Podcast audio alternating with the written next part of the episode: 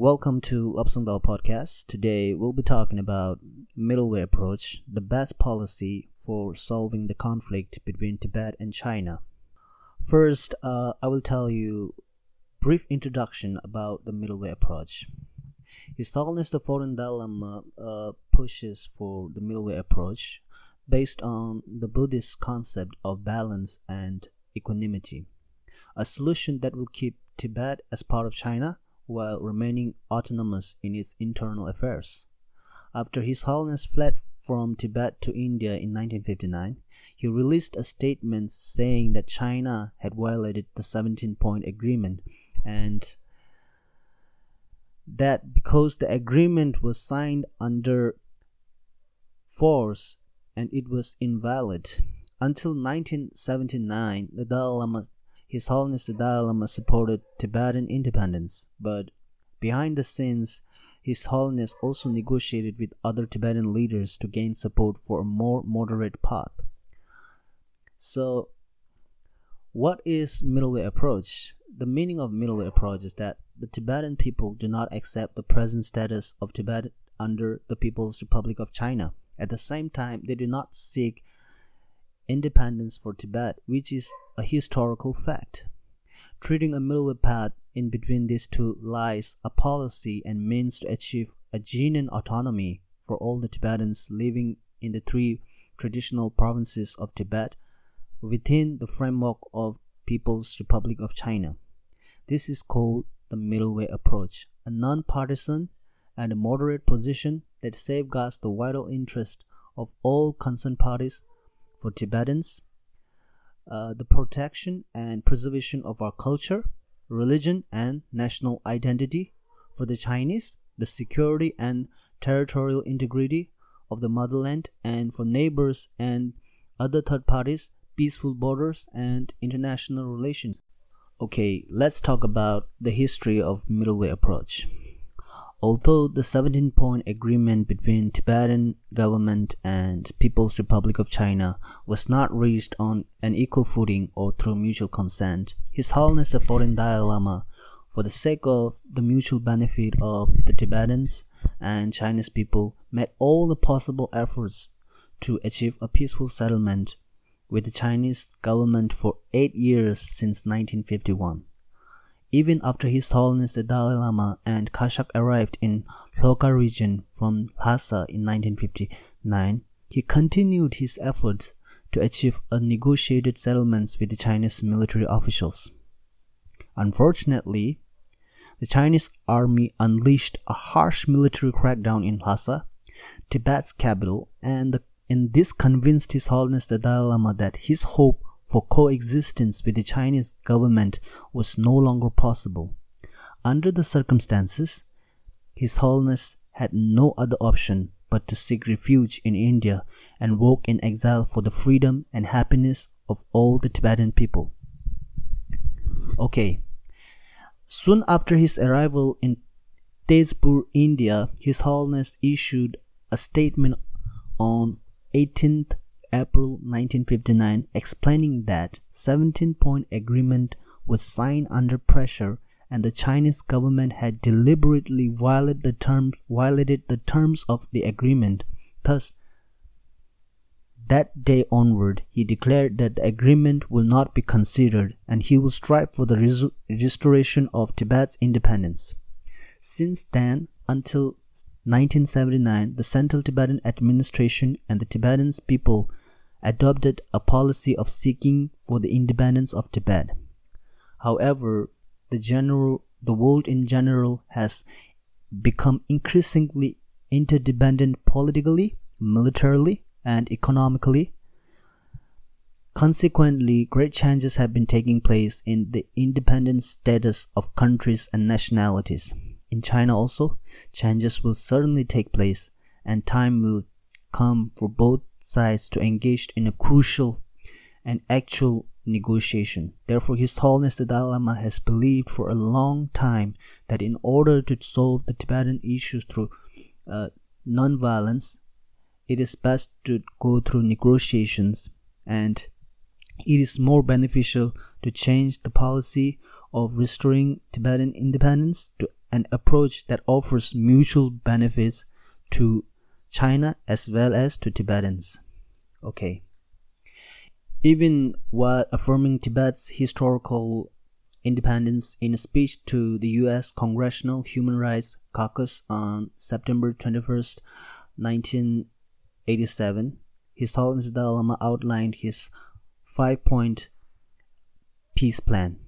Uh, point number one transformation of the whole of Tibet into a zone of peace. Point number two abandonment of China's population transfer policy, which threatens the very existence of the Tibetans as a people. Point number three respect for Tibetan people's fundamental human rights and democratic freedoms. Point number four restoration and protection of Tibet's natural environment and the abandonment of Chinese use of Tibet for the production of nuclear weapon and dumping of nuclear waste. Point number five commencement of earnest negotiation on the future status of Tibet and of relations between the Tibetan and Chinese people. These points reflect the crucial concern of Tibet and its supporters, who argue that the China's interest in Tibet is in its natural resources. As you know, Tibet sits on 2.5 square kilometer of land with average altitude of 13,000 feet above sea level. Tibet is valuable to China as a source of land, water, and minerals, including uranium. There are 6 million Tibetans, and while number of Han Chinese migrants outnumbers Tibetans, under the Chinese rule, 1.2 Tibet 1.2 million Tibetans have been killed Many have been imprisoned, and more than 6,000 monasteries, temples, and other buildings have been destroyed. Till now, more than 150 Tibetans have self immolated. So, the five point peace plan and Tibet autonomy, according to China, is a lie to get Tibetan independence.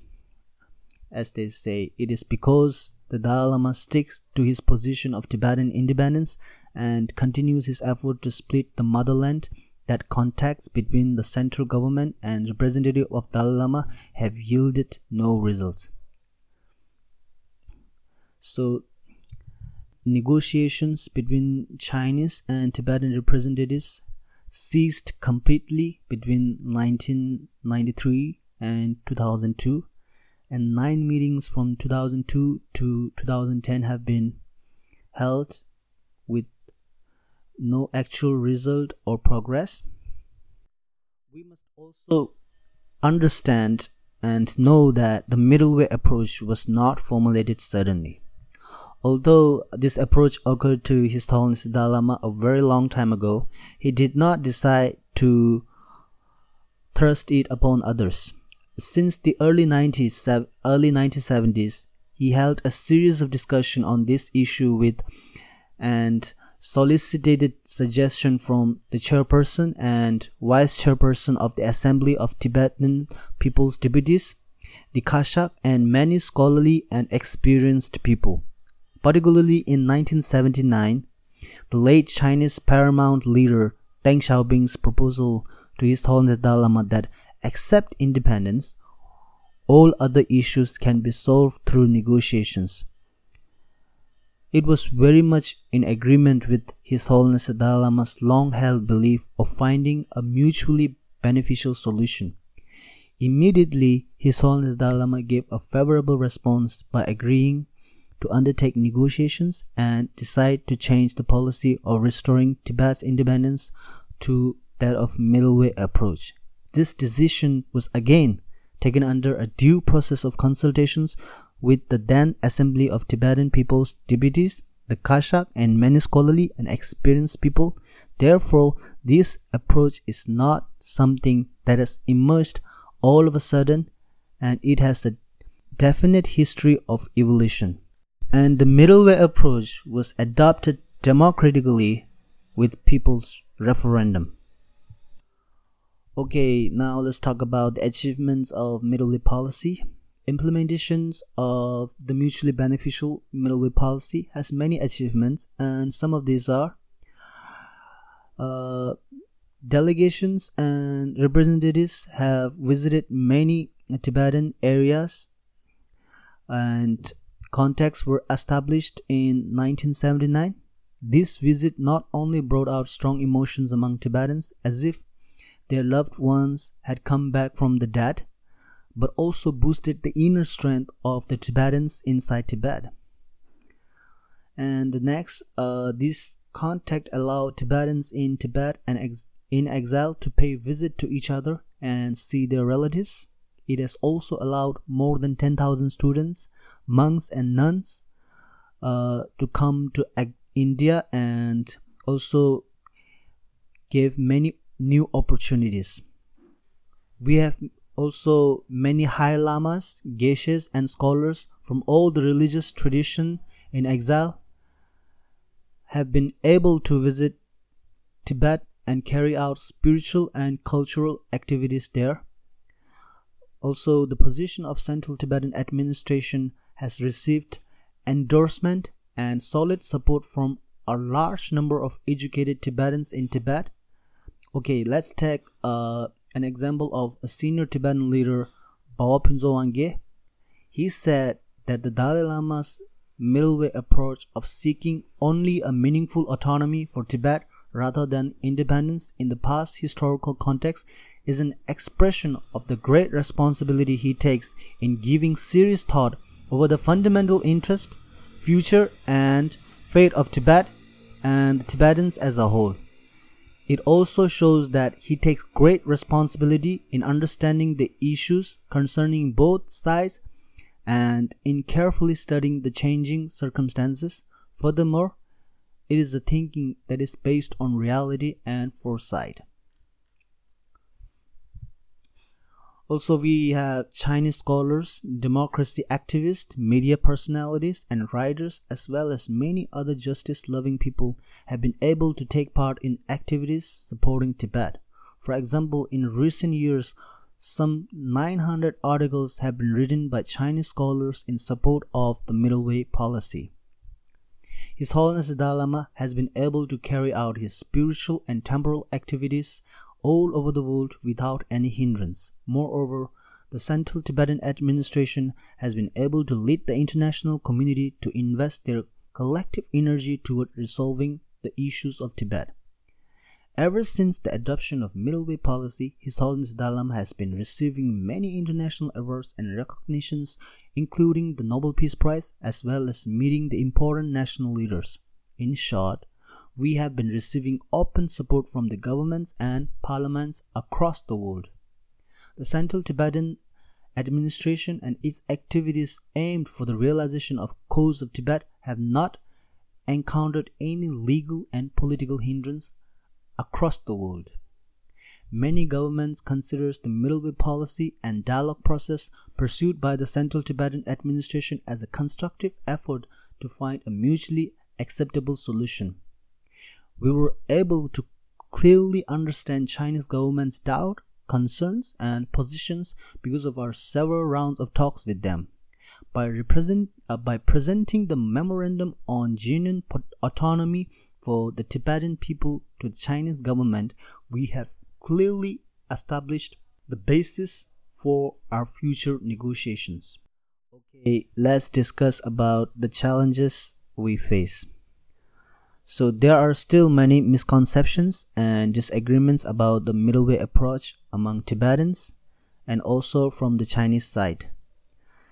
For example, Jamyang Norbu on his blog wrote that the middle way was not adopted democratically, far from it. Instead, the lies and swindles of officials and MPs led by Samdhong Rinpoche to foist a phony referendum on the exiled public have undoubtedly undermined Tibetan democracy, they also effectively sabotaged His Holiness genuine attempts in 1995 and 2008 to democratically consult with Tibetan people and find a workable alternative to the middle way approach. Okay. These are uh, also there are many independent freedom fighters who felt that the middle way approach is a lost policy for our Tibetan movement and will never come to fruition if relied on Chinese side to negotiate. This group often join Tibetan Youth Congress and other NGOs where their objective is to fight for complete independence of Tibet. And we have Tibetan poet Tenzin Tsundue who does not criticize His Dalai Lama or Central Tibetan administration, but against the policy of middle way approach. Yet the majority of people are genuinely supporting the middle way approach and willing to negotiate CCP or Chinese Communist Party to, res- to solve the problem without aggression and on the path of Gandhi inspired nonviolence or ahimsa. Somehow, a Chinese Communist Party still heavily deny in engaging meaningful dialogue with the His Holiness Dalai Lama representatives and also don't recognize exile-based government in exile in India. They believe that it is the five points and seven points as well as other explanations made by His Holiness Dalai Lama and his likes that show the world that middle way goes against the Chinese uh, constitution and and these are the challenges we face in pushing forward a meaningful negotiation between the two parties and there are many other international interferences where Tibet often end up as trump card for other superior powers to exploit China if they dispute their interest and sometimes this harm Tibet-China relationships more than help solving the problems. So I would like to conclude that the middle way policy is a mutually beneficial policy that is based on the principles of justice, compassion, nonviolence, friendship, and in the spirit of reconciliation for the well being of entire humanity. It does not envisage victory for oneself and defeat for others. Appreciation within Chinese community and international communities for the middle way policy is growing every day. It is clear that solving the conflict in peaceful dialogue is the way of 21st century rather than sacrificing lives and ending in violence. The middle way policy is the best available solution for China and Tibet in living peacefully with mutual understanding and benefit without disputing for who wins and who lost. I'm hoping that now you understand more about middle way approach and why it is important. And please keep supporting Tibet. Long live His Holiness the 14th Dalai Lama and free Tibet. Thank you all.